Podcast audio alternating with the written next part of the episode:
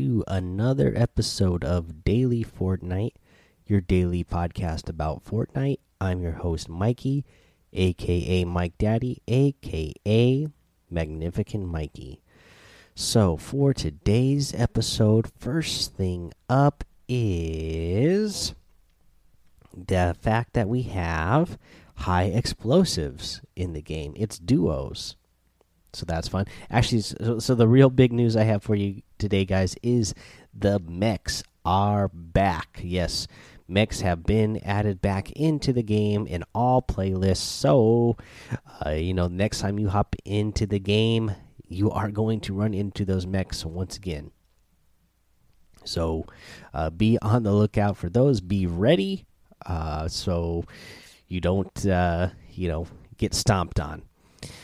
Now let's see here. Also, before we get to the creative patch notes today, today, let's go ahead. Let's cover what's in the item shop today.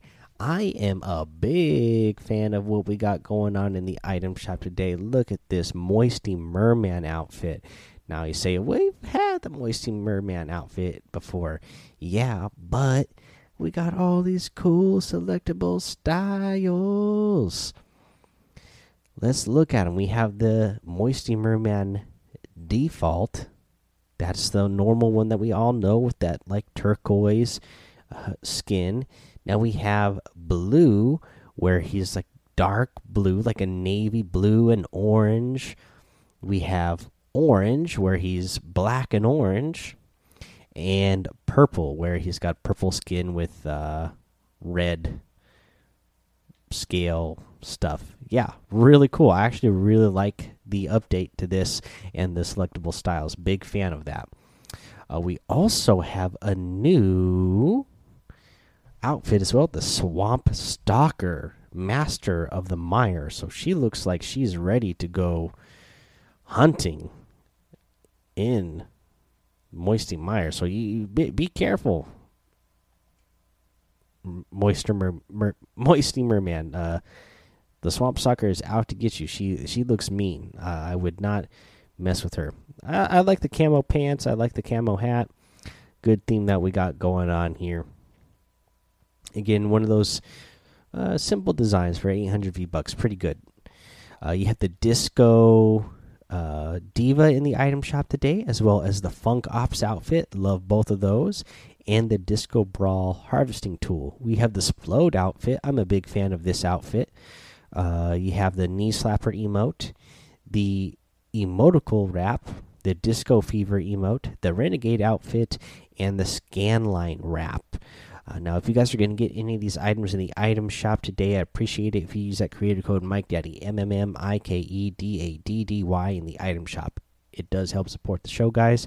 Uh, remember, you also have the community choice. You can vote on what item is going to return back to the item shop. There's 19 hours left at the time of this recording, which about right now it's about 9 p.m. on the West Coast uh, at the time of this recording, and I'll have her posted up here pretty soon, so it won't be too much late after that. So roughly 19 hours left uh, to go vote.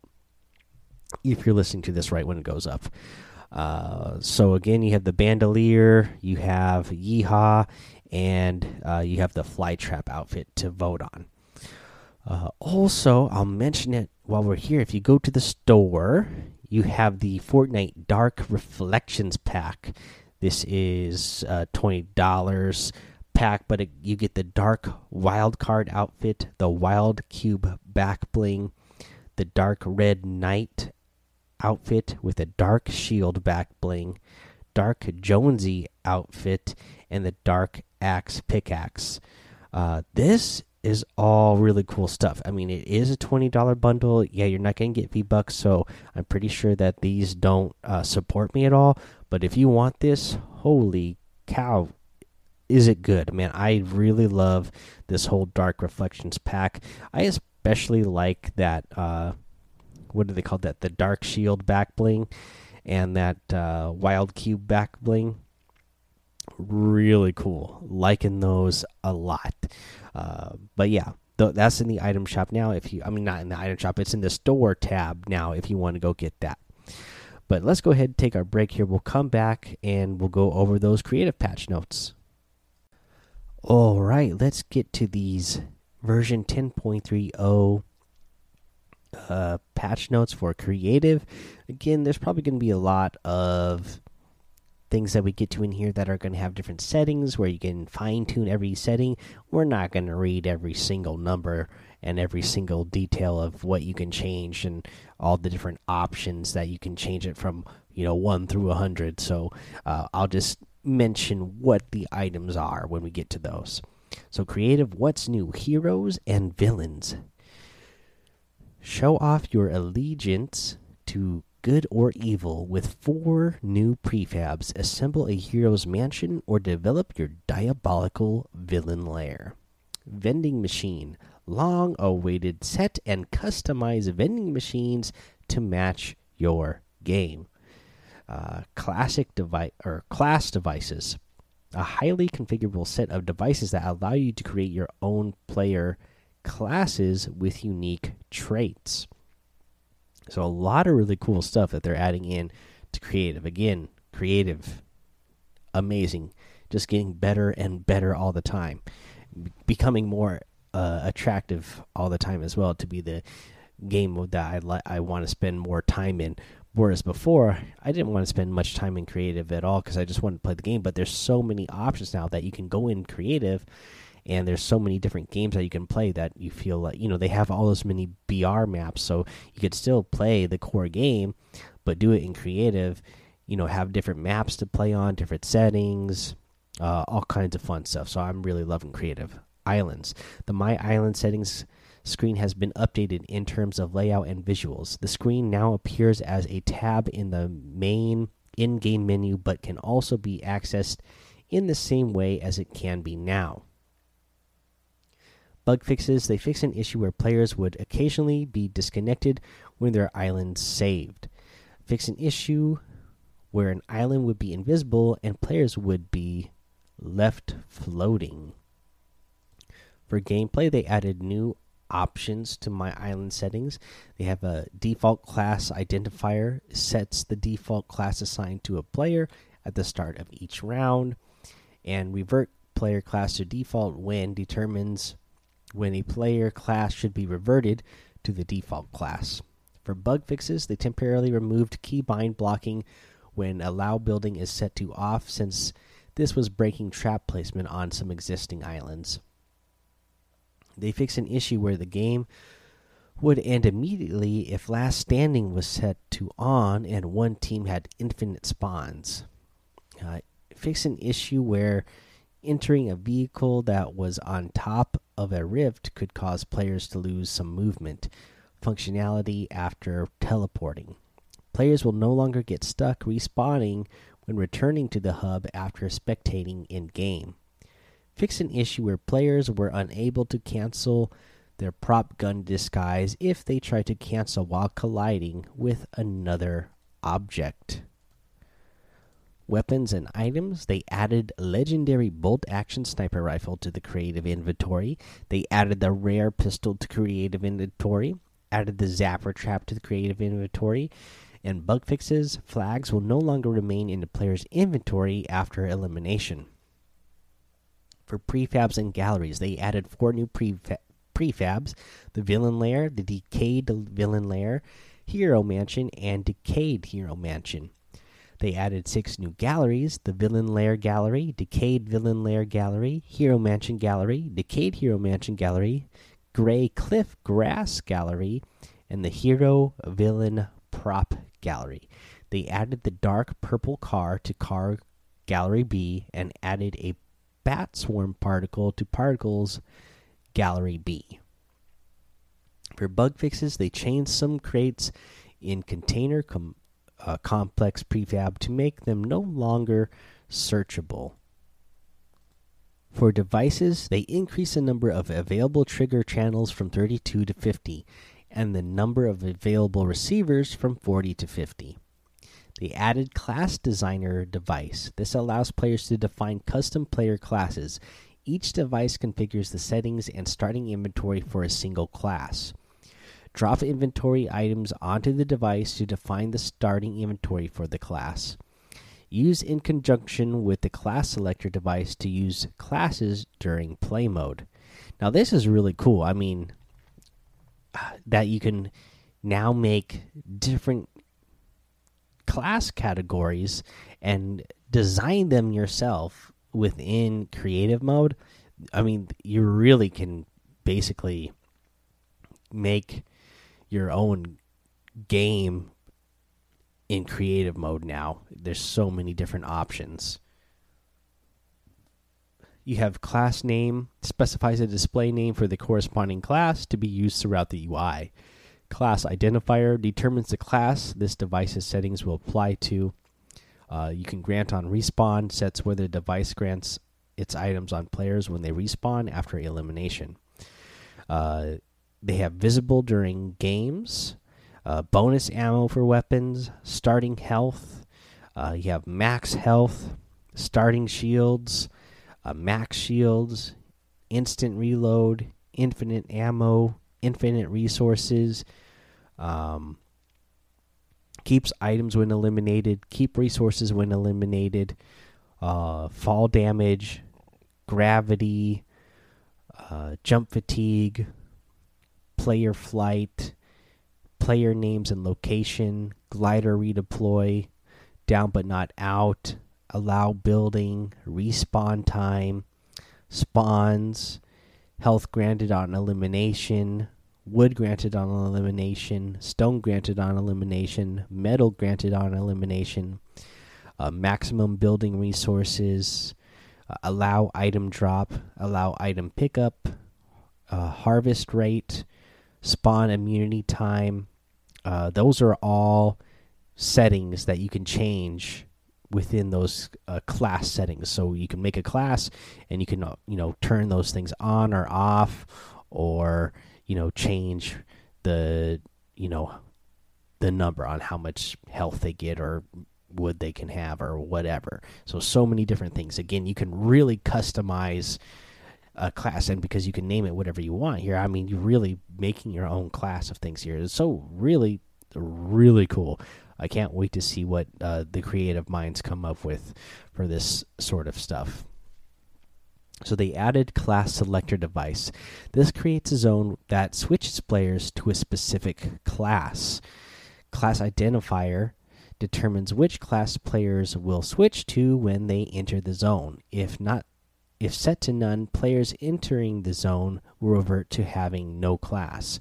So this is something really cool too. I mean, it's almost like when you go to um, Tilted Town right now. You know, you go there and you become a cowboy. Well, in this, you become whatever class. So your costume's not going to change, but the fact of whatever that class is, you could enter a zone, and now all of a sudden you're that class. Uh, you know, you know, it could be whatever that person came up with. So that's really cool. Uh, they have uh, team determines which team can activate the device. Uh, time to switch sets the time the player needs to remain within the device's zone before a class switch will be applied to the player. Uh, they have respawn uh, player on switch determines whether the device will force a respawn after setting the player to a new class. They have size of volume, volume visible in game, visible in game, um, accent color. Uh, you have, uh, let's see here, transmitter support when classes switch to transmit on, transmits a signal on the selected channel when the player switches to a class through this device. Uh, you have receiver support, so enable when receiving from uh, disable when receiving, change to player class when receiving, and let's see here, you can add custom vending machines. So, this is something else that was really cool that they added. This allows players to place a vending machine and customize which items can be purchased based on material costs. Uh, so you can drop items next to the vending machine after placing it to add them to the device. Items will become accessible to players in the order they are added to the vending machine. Uh, the first item registered will consume wood resources from the player's inventory to purchase. The second will consume stone, and the third will consume metal. So that's important stuff to know when you are uh, when you are making these vending machines yourself. You you they're going to go in the order that you put them in, and they're going to go in order of costing either wood, stone, or metal. Uh, you have um, all the different settings. You know, you can change the setting for how much the cost of wood is, how much the second item costs for stone, and how much the third item costs in metal. Uh, you can have bonus ammo for weapons. You can have enabled on game start, and it has receiver support, uh, transmitter support. They added trigger and receiver options to the capture item spawner. Uh, let's see here. They have added new HUD and text options to the ball spawner device. This allows you to show players where the ball is via a badge icon, as well as giving the ability to add visible text depending on team assignments in game. Uh, and you can have a HUD icon, friendly team, team visibility, HUD icon identifier, requires line of sight, uh, the hide HUD icon, hostile icon text, friendly icon text, neutral icon text field, uh, HUD text size, and that's all stuff that you can again turn on or off for the baller spawn uh, device. They added a new option to the item spawner device. Continuously spawn items allows additional items to sp keep spawning even if previously spawned items are still in play. They added new option to the team settings and inventory device. Default class identifier sets the default class assigned to players on the selected team at the start of each round. They added new option to basic storm controller and advanced storm controller devices on uh, finish behavior determines what should happen to the storm when it finishes its final phase. Uh, again, there's a whole bunch of settings here that you can change uh, to what it does. Uh, they added a new option to the creature manager device, uh, and it is movement speed. They added new values to the time from round start option in the HUD message device. They added new options to the capture area device. Uh, you can have enable on phase, enable when receiving, disable when receiving, consume item on scoring, consume item when dropped. For bug fixes in creative. They fix an issue where consumables were not properly collected when spawned by the item spawner device with run over pickup enabled. Allow building damage option in the team setting device now overrides the my island settings correctly. Disabled aim assist on ball on ball spawner balls. Uh, players will no longer see a red box visible in game after placing a random number generator device. The storm circle from the advanced storm controller will not return to being visible after fully closing in game. Fix an issue where, where sentries would still be able to fire at players while inside a weapon free zone. Fix an issue where the warm up only setting on the barrier device would not work prior to game start. Fix an issue where the where when where the when item picked up transmit on transmitter on the capture item spawner device wouldn't transmit when the capture item is in use with the flag. Item spawner previews now accurately reflect the set item scale option fix an issue with the explosive device proximity being triggered when the game starts. Fix an issue where the capture area was not consuming items when it became enabled. Fix an issue where the capture area was pulsing but no score was being granted. Fix an issue where the particles inside large capture areas became invisible when moving away from the center. Fix an issue with team visibility settings for explosive barrel fix an issue where the explosive barrel could be destroyed while in the warm up phase, fix an issue where damaged particles were visible when hitting an invisible objective device. Okay, let's get to UI and social. They added a second way to access the My Island settings menu from the creative inventory. You can now open the menu and start a game just as quick as you can select a device to place on your island. They added a clear items button to to the following devices to remove all inventory items previously dropped on the device. Capture area, capture item spawner, and class designer. This will be rolled out to more devices in future releases. For bug fixes, the UI now displays a warning when a player has reached a device limit. Players are able to remove an island with the same name as the currently loaded island. The scrolling speed on certain inventory tabs is consistent. And that is all of your patch notes for version 10.30 creative. Guys, thank you so much for listening to the episode. Head over to the daily Fortnite Discord, hang out with us over there. Uh, let me know what you're thinking of this creative patch. If you are somebody who, uh, you know, spends a lot of time in creative and, you know, makes things in creative like we had, uh, you know, we had DB on here in the past, and uh, you know if you're somebody like that who or we had directing Pete on here in the past as well so both of those users if you're somebody like that who likes to create things and create different games and game modes in in Fortnite in the creative mode I'd love to hear about it but also follow me over on Twitch and YouTube Head over to Apple Podcasts, leave a five star rating and a written review for a shout out on the show. Subscribe so you don't miss an episode. And until next time, have fun, be safe, and don't get lost in the storm.